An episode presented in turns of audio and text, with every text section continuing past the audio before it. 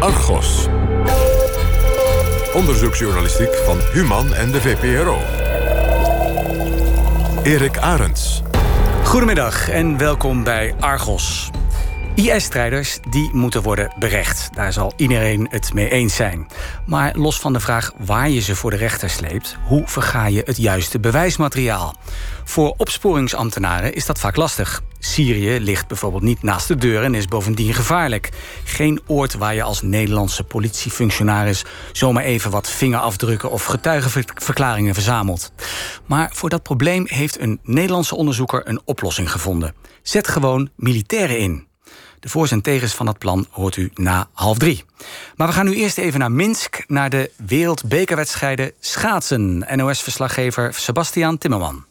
Die heeft eh, gekeken naar de 1000 meter bij de mannen. En die wordt gewonnen door Thomas Krol, 27 jaar. Hij is eh, regerend wereldkampioen op de 1500 meter. En wint in Minsk bij de eerste wereldbekerwedstrijd van het seizoen... voor het eerst in zijn loopbaan een wereldbekerwedstrijd over 1000 meter. 1.09.00 is bovendien een eh, baanrecord in Minsk. Kjeld Nuis is zijn baanrecord dus kwijt. De wereldrecordhouder eindigt op de derde plaats. Net voor Hein Otterspeer, vierde en Kai vijfde. De verrassing was de nummer 2. Een 20 jaar jonge Chinees Zongyang Ning pakt voor het eerst namens China een podiumplaats na een wereldbekerwedstrijd 1000 meter. Zilver dus achter de Nederlander Thomas Krol. NPO Radio 1. Argos.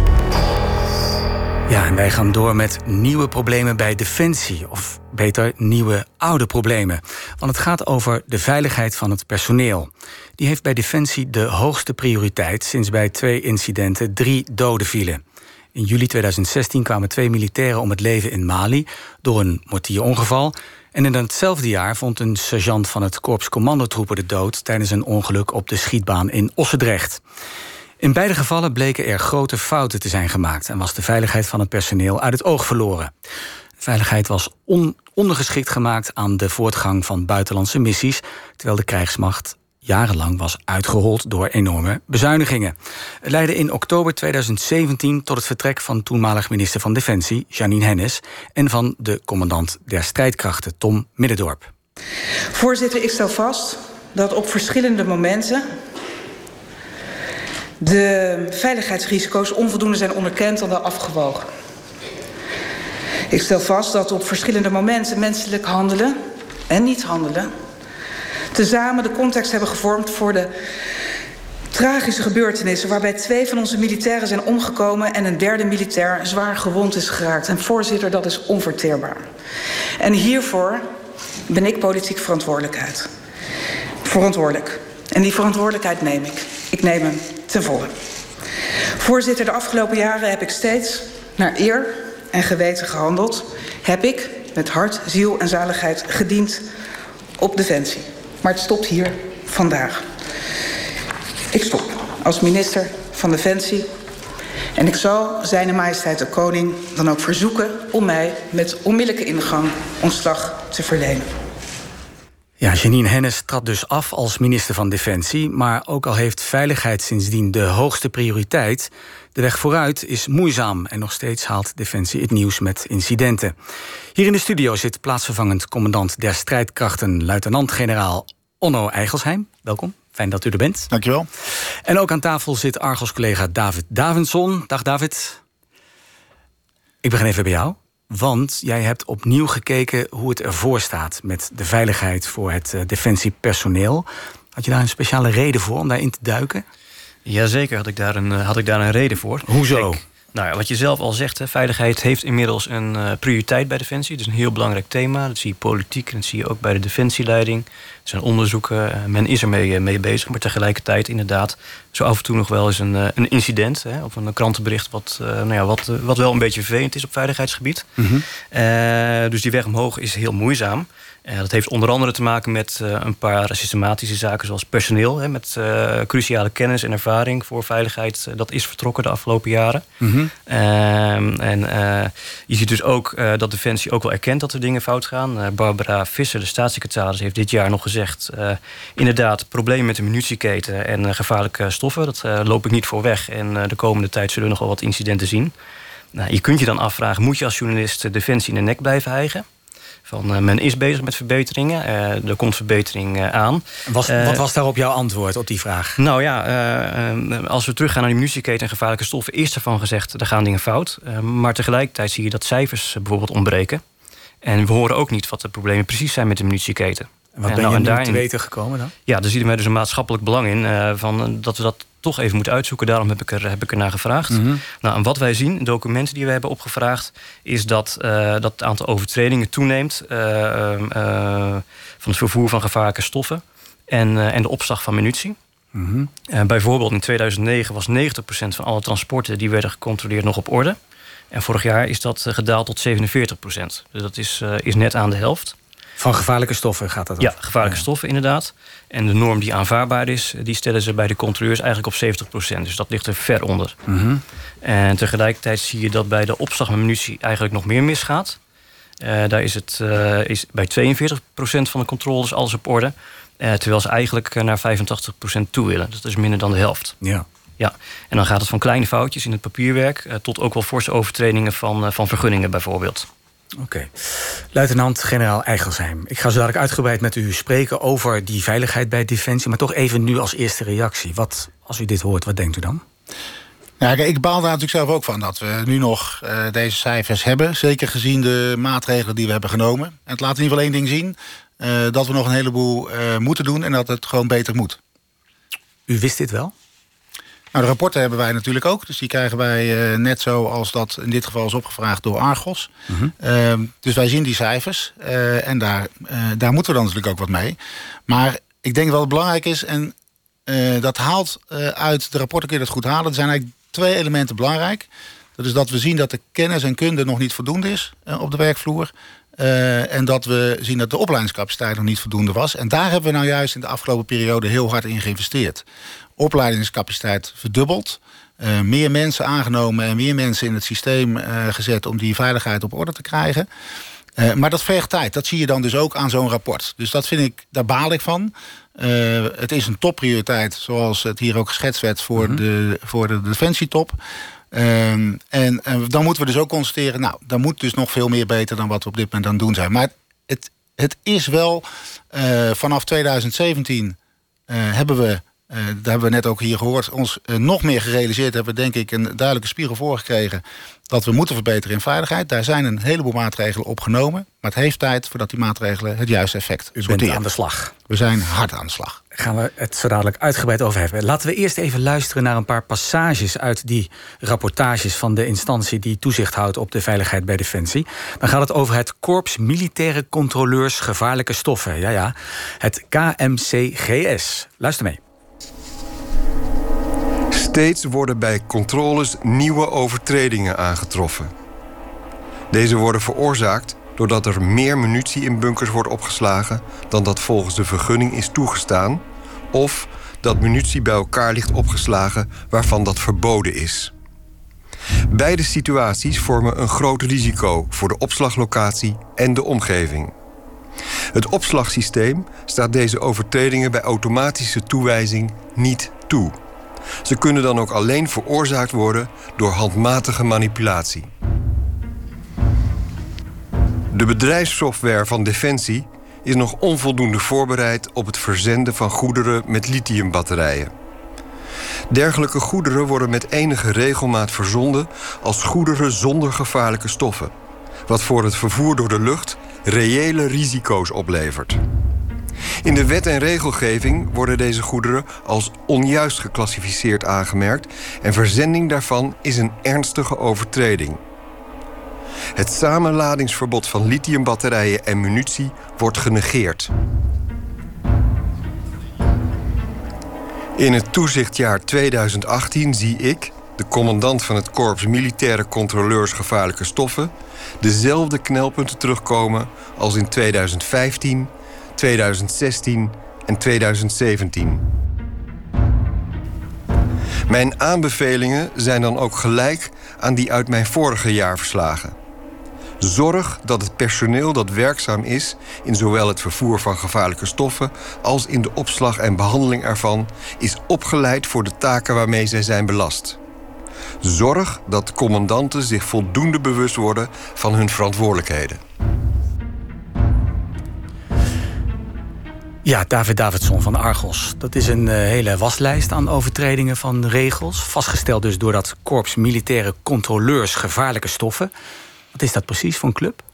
Nou, dat is een klein team. En dat uh, rapporteert aan de, aan de ambtelijke leiding van het ministerie van Defensie. Dat zijn eigenlijk specialisten met heel veel kennis van de regelgeving mm -hmm. voor gevaarlijke stoffen. En in de dagelijkse praktijk controleren zij vliegtuigen, schepen, vrachtwagens, uh, munitiebunkers, uh, noem het maar op. En dat moet gevaarlijke situaties tegengaan en, uh, en voorkomen. Dat is heel breed dus eigenlijk wat ze controleren. Dat is heel breed, ja. Absoluut. En kunnen ze ook um, sancties opleggen? Ja, nou vaak uh, wat je leest in rapporten is dat een advies of een waarschuwing eigenlijk voldoende is hè, om een situatie die niet goed is te herstellen. Uh, maar een rapport van het KMCGS kan eigenlijk ook wel leiden tot strafrechtelijke vervolging als iemand een ernstige fout heeft gemaakt. Oké. Okay. Oké. Okay. Uh, Onno Eigelsheim, plaatsvervangend commandant der strijdkrachten. U kent dit korps ongetwijfeld ook. Ja, ken ik heel goed zelfs. Ik, uh, toen ik nog uh, vlieger was in mijn verleden, eind jaren 90 tot eind uh, 2000. Dat is een helikopter, hè? Dat is een helikopter, gevechtshelikopter, dus die heeft ook munitie aan boord. -huh. En ook daar doe je schietseries mee, zoals het korps ook op Bergenhonen op de schietbanen zelf controleert. En daar kreeg ik natuurlijk ook als commandant van die eenheid ook regelmatig bezoek van dit korps. En controleerde in die tijd ook, uh, is de munitie goed opgeslagen? Transporteren we de munitie op de juiste manier? Wordt de munitie op de goede manier opgeladen op de vliegtuigen, op de helikopters? Uh, dus op die manier. En je werd ook altijd als commandant teruggekoppeld. Dus je kreeg elke keer uh, de terugkoppeling van deze mannen of vrouwen. Wat gaat er goed, wat gaat er minder goed? Waar moet je op acteren? Dus en wel eens, goed. wel eens op de vingers getikt? Nou ja, ik ben niet persoonlijk op de vinger getikt bij dit soort dingen. Maar er zijn altijd overtredingen uh, wel te onderkennen. En, dat, en ik denk dat uh, David van Argos dat ook net wel schetste. Het kan zijn dat de papieren niet op een goede manier zijn ingevuld. maar zware overtredingen heb ik zelf nooit mogen ervaren. Of gelukkig mm -hmm. hoeven ervaren. Maar het is wel in een tijd, eind jaren 90, begin 2000... waarin de organisatie natuurlijk nog vrij goed in haar veiligheidspersoneel zat. En in de kennis en kunde bij onze munitiemensen zat. Wacht even, zegt u nu dat het toen beter was dan nu? Nee, ik zeg daarmee dat vanaf 2011... we zijn natuurlijk, we zijn natuurlijk onze organisatie steeds verder gaan, uh, gaan uitkleden in de tijd. En we hebben daar ook keuzes in gemaakt. En, en, en enkele keuzes die we daarin hebben gemaakt... is ook dat we bijvoorbeeld de veiligheidsorganisatie hebben ingeteerd. En dat zie je nu ten dele terug. Uh, hmm. Dus we komen wat dat betreft als krijgsmacht ook wel van, uh, uh, van een bepaald punt. Um, en, ja. en dat heeft dus tijd nodig voordat we dat hebben gerepareerd. En ik denk dat de constateringen van het korps... Ja, daar baal ik natuurlijk van dat ik dat zie. Ook gezien de maatregelen die we nu hebben genomen in de afgelopen periode. Kennis en kunde omhoog brengen. Opleidingen versterken, wat ik net schetste. Uh, er zijn meer mensen in die veiligheidsketen uh, ingebracht. En ook in de munitieketen ingebracht. Maar het heeft tijd nodig om ze op dat niveau te krijgen. Die dit, dit, die dit weer tegengaat. Je probeert de boel een beetje te herstellen weer. Daar komt het op neer eigenlijk. Herstellen en nog verder verbeteren. Kijk, ja. commandanten zijn ervan samen met hun mensen. Uh, die moeten zich bewust zijn van de rol die ze moeten uh, vervullen. Ik ben me daar uh, te degen van bewust. Uiteindelijk zijn de CDS en ik de eindcommandanten in deze structuur. De CDS is de commandant der strijdkrachten, gok ik maar. Ja, dat goed? is heel goed. En ik ben zijn plaatsvervanger inderdaad. Ja. Ja. Maar nee, dit, dit, heeft bij ons de hoogste prioriteit. We gingen deze week met een van die controleurs, luitenant Gert Smink... op stap naar de kazerne in Schaarsbergen. Daar werden op de openbare weg voertuigen van Defensie gecontroleerd op gevaarlijke stoffen. Ik ga aan de andere kant van de weg staan. En op het moment dat, uh, dat mensen aanhouden, dan leid ik ze hier naartoe. Dan uh, de daadwerkelijke controle doe ik op de parkeerplaats op een veilige locatie.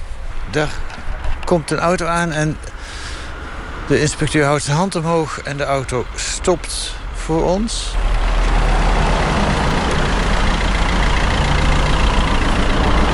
Goedendag. Goedendag. Ogenblik, mag ik zo terug bellen? Uh, ja. Oké. Okay. Uh, Goedemorgen, Zwier. Gijs Mink, KMCGS, Korps Militaire Controle Gevaarlijke Stoffen. Kunt u eventjes uh, naar de parkeerplaats rijden? Dan kan ik even een paar vragen aan u stellen. Ja, doe ik. Vervoert u gevaarlijke stoffen? Nee, op het moment niet. Nee. Oké, okay, dan zou ik even achter u... Normaal gesproken niet. Normaal gesproken niet. Mag ik, ja. Zou ik even achter u... Uh... Oké. Okay. We kijken nu achter in de auto. Nou, ik constateer zo dat uh, meneer geen uh, gevaarlijke stoffen vervoert. Kabels, dus, hè, zijn dit?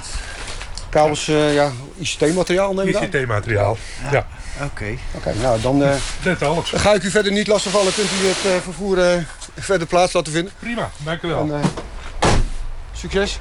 Oké, okay, tot ziens. Goeie reis. Ja.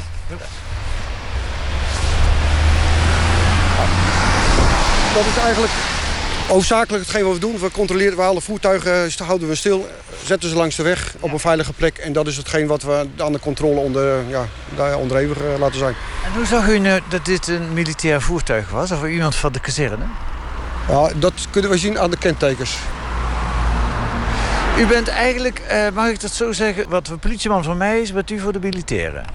Daar kunt u het wel mee vergelijken. Alleen wij zijn, wij zijn niet voor de algemene politietaken, alleen sect voor het vervoer van gevaarlijke stoffen. De toezicht en controle op vervoer gevaarlijke stoffen. Ik ben teamleider vervoer gevaarlijke stoffen.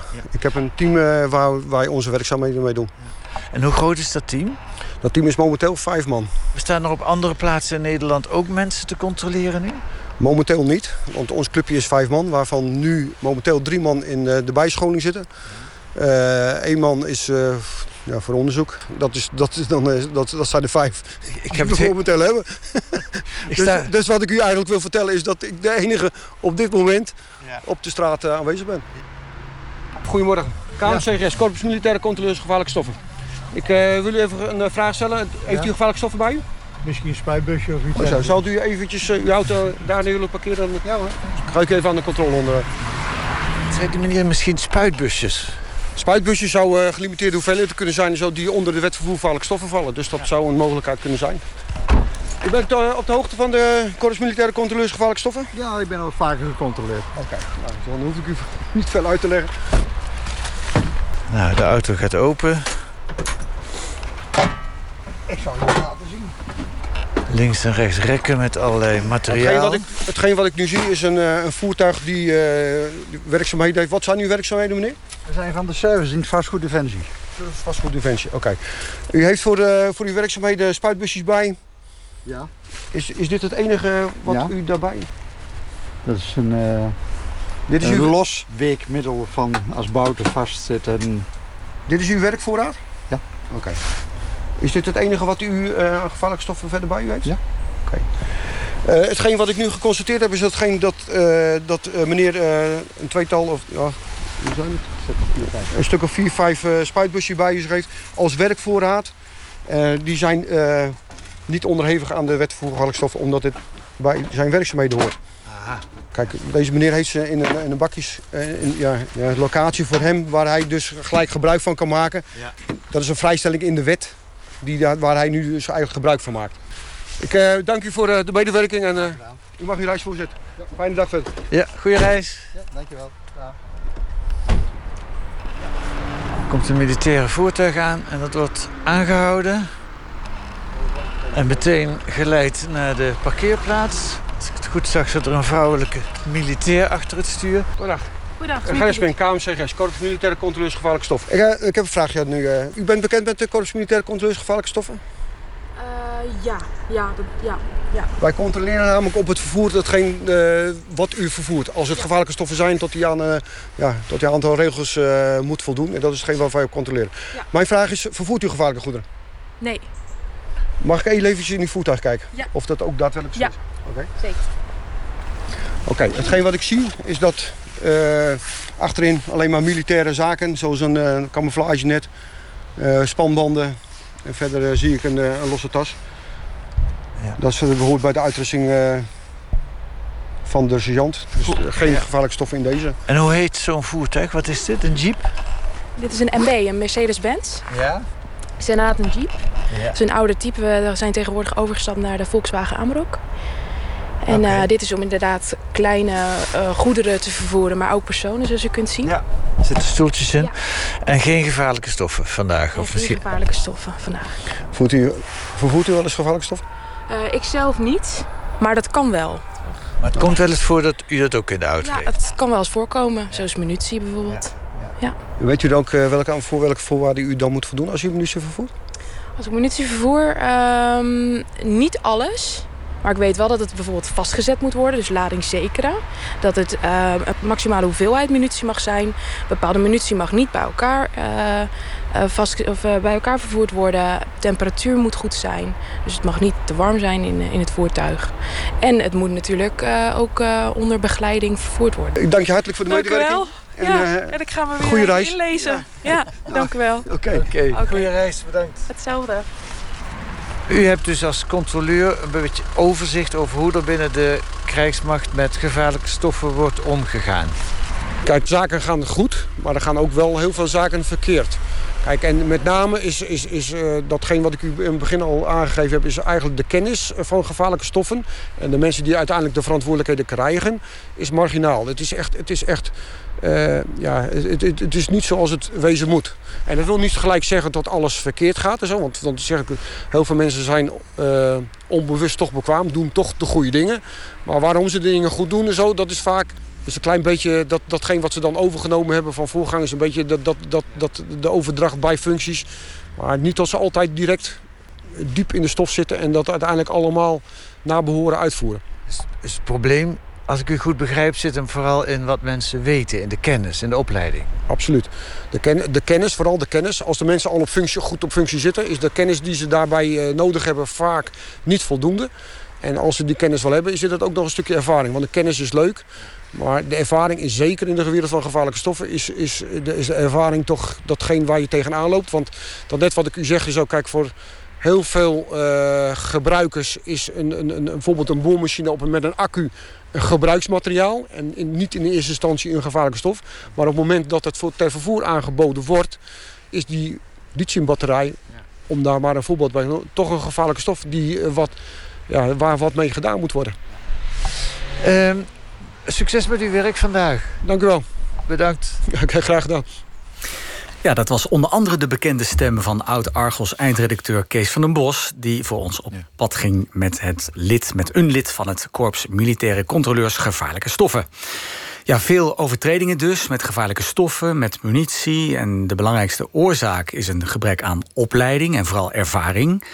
Wat vindt Annemarie Snels daarvan? Snels is voorzitter van de militaire vakbond AFNP. En zij volgt de problemen met veiligheid bij Defensie op de voet. Ik schrik ervan en ik word eigenlijk ook weer boos.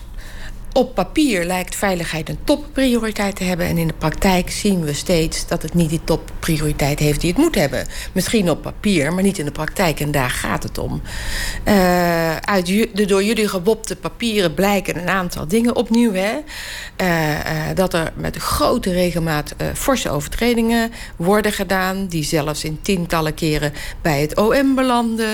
En dan gaat het over de munitieopslag die niet deugt.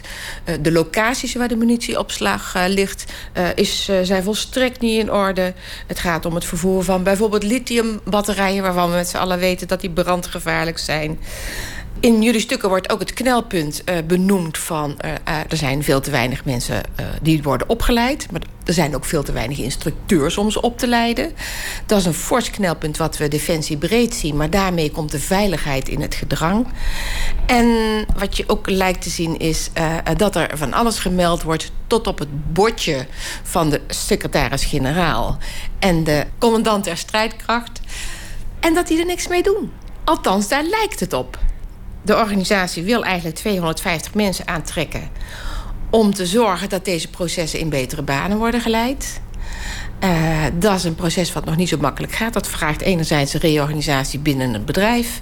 En aan de andere kant vraagt het om structureel geld. En dat lijkt er niet te zijn. Hoe kan het eigenlijk dat geld dus eigenlijk nog steeds een probleem is... terwijl Defensie, als wij uh, bijvoorbeeld de minister moeten geloven... op dit moment eigenlijk geen geldgebrek heeft?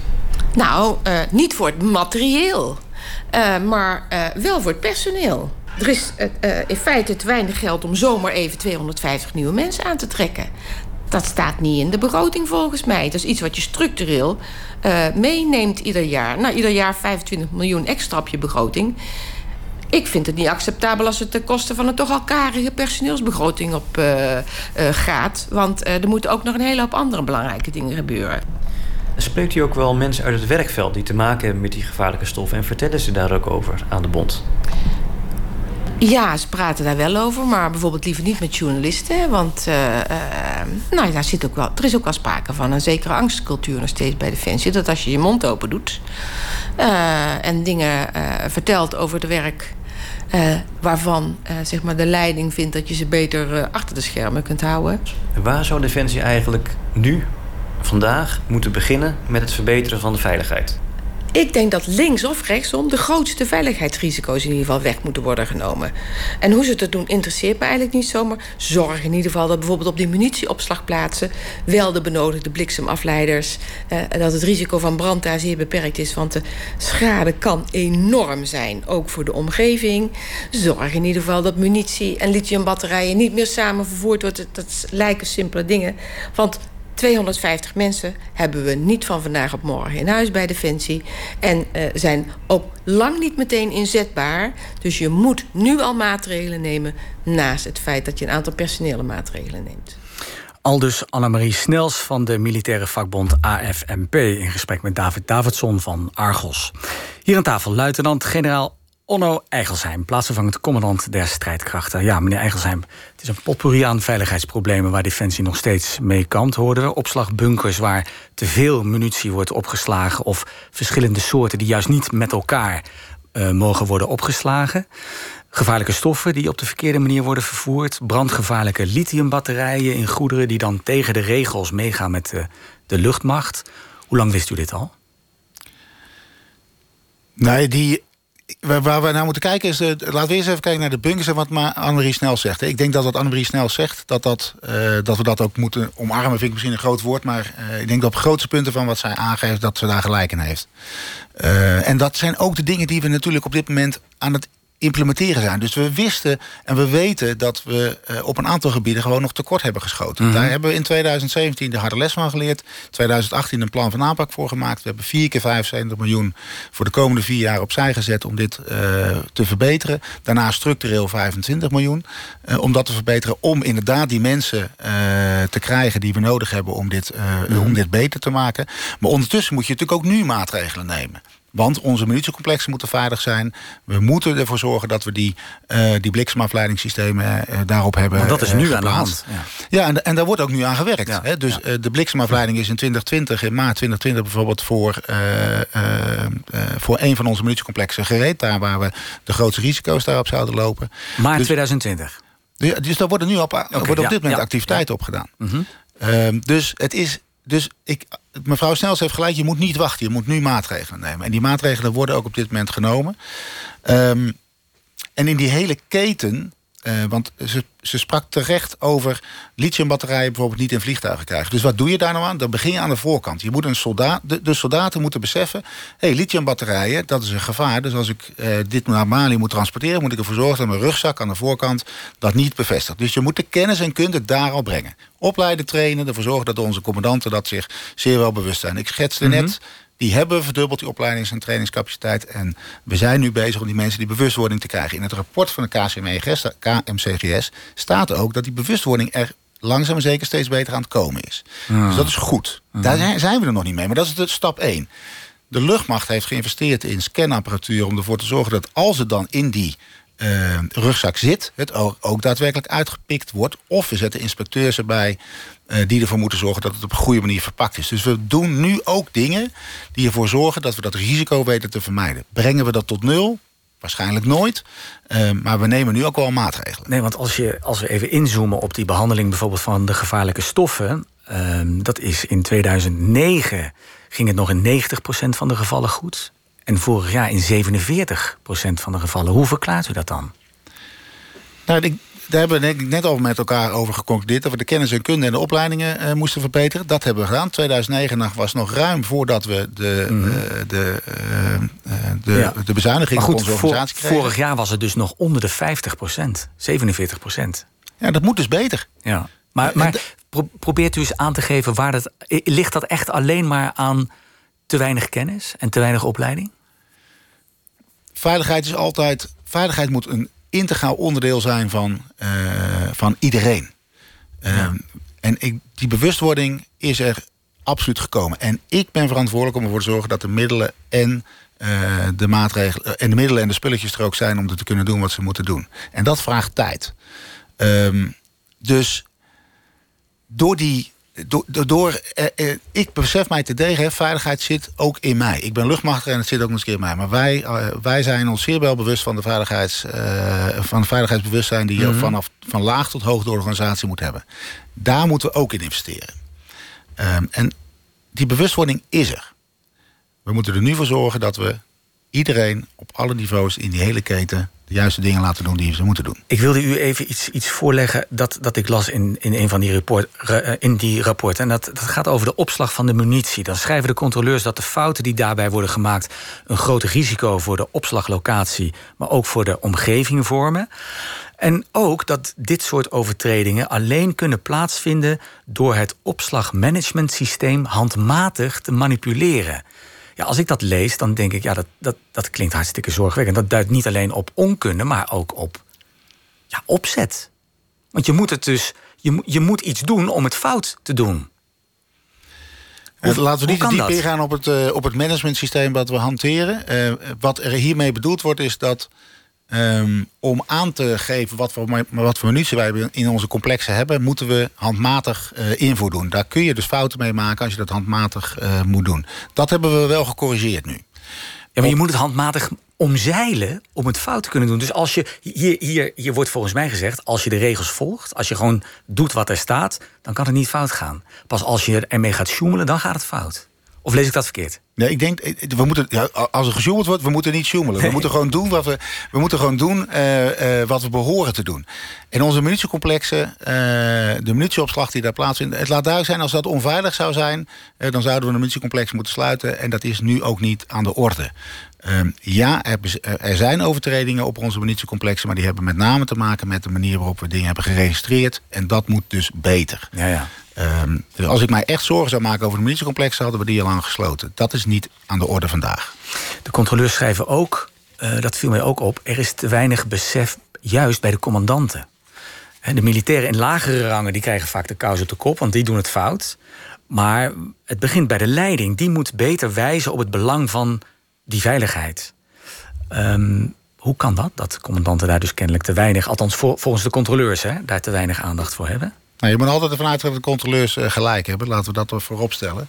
Eh, commandanten hebben natuurlijk een heel palet aan, eh, aan activiteiten die ze moeten doen... waar veiligheid er één van is. Ehm, net zoals ik, eh, veiligheid gaat over het inzet van onze militairen... Gaat, maar gaat ook over veiligheid van onze munitiecomplexen.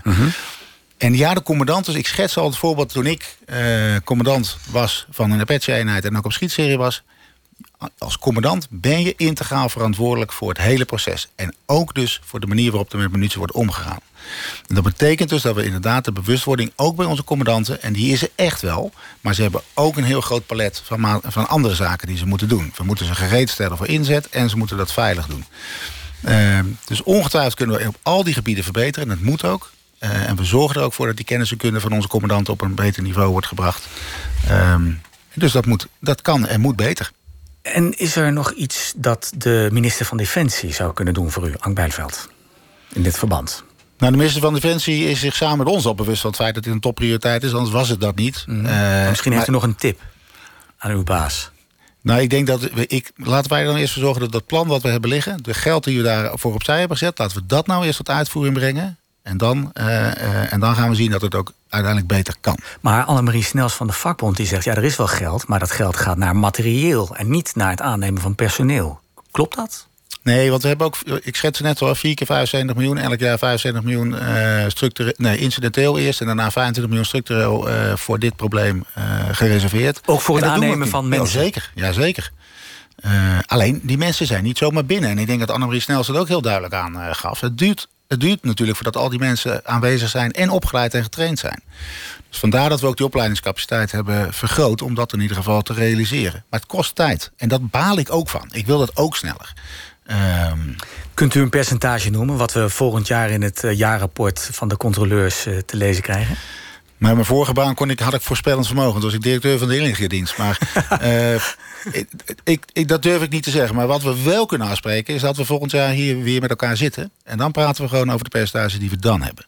Oké, Ehm, ongeacht wat die percentages zijn. Ongeacht wat die percentages zijn. Want het is chefzaggen. Niet alleen van mij, maar ook van de commandant de strijdkrachten... en ook van de minister. En Ja, want dan bent u misschien nog wel meer verantwoordelijk dan nu. Hè? Want u zit er nu sinds juli, geloof ik, hè, als plaatsvervangend commandant. Ik zit er sinds juli, ja. Volgend jaar eh, dan kunnen we de duimschroeven nog strakker aandraaien dan misschien bij u. De duimschroeven mag je altijd. Het gaat om de veiligheid van ons personeel en de veiligheid van de samenleving. Dus het gaat wel ergens over. En daar wil ik hier echt wel eh, over vertellen hoe we, erin, hoe we ervoor staan en wat we er allemaal aan hebben gedaan. Mag ik u hartelijk danken voor uw komst. Onno Eigelsheim, plaatsvervangend commandant der strijdkrachten. En natuurlijk ook onze Argos-collega David Davidson. Dankjewel. Graag gedaan. NPO Radio 1. Argos.